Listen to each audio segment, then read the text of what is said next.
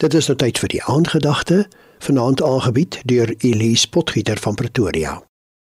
Johannes 14 As iemand my liefhet, sal hy my woorde ter harte neem, en my Vader sal hom lief hê, en ons sal na hom toe kom en by hom woon. Goeienaand luisteraars.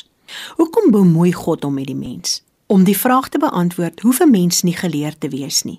Jy hoef geen geleerde agtergrond van enige aard te hê nie. Nee, jy moet net die Bybel kan lees en dit doen vanuit 'n baie verrassende, interessante oogpunt. Jy moet dit lees met die besef dat God Almagtig alles in sy vermoë gedoen het en nog steeds doen om die mens te oortuig dat dit sy wens is om die vader van elke kind hier op aarde te wees. Die bron van liefde, almagtige krag, mag, wysheid, kennis en insig, die bron van genade, barmhartigheid, seën, guns, die bron van betroubaarheid, vertroue, vrede, vreugde, blydskap, harmonie en geluk. Hy is God en ons hemelse Vader en hy wil hê dat elke mens op hierdie aarde sy kinders moet wees. En die rede, omdat God Almagtig se hele wese bestaan uit liefde. Sy kern is liefde.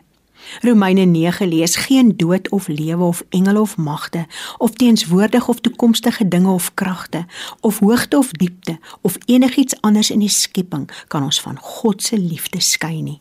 God ons Vader se bemoeienis met die mens is gegrond, gestewig, gefondament gebou en gegom met net een bestanddeel en dit is sy liefde vir die mens.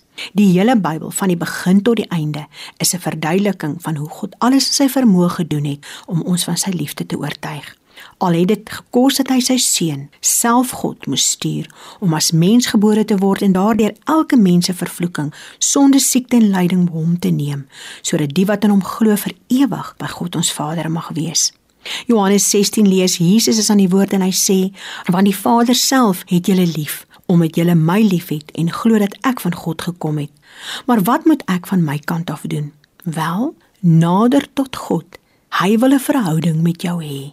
Jakobus 4:8 lees nader tot God en hy sal tot julle nader. Hebreërs 10:22 Laat ons tot God nader met 'n opregte hart en met volle geloofsekerheid. En Hebreërs As 'n mens nie glo nie, is dit onmoontlik om te doen wat God wil.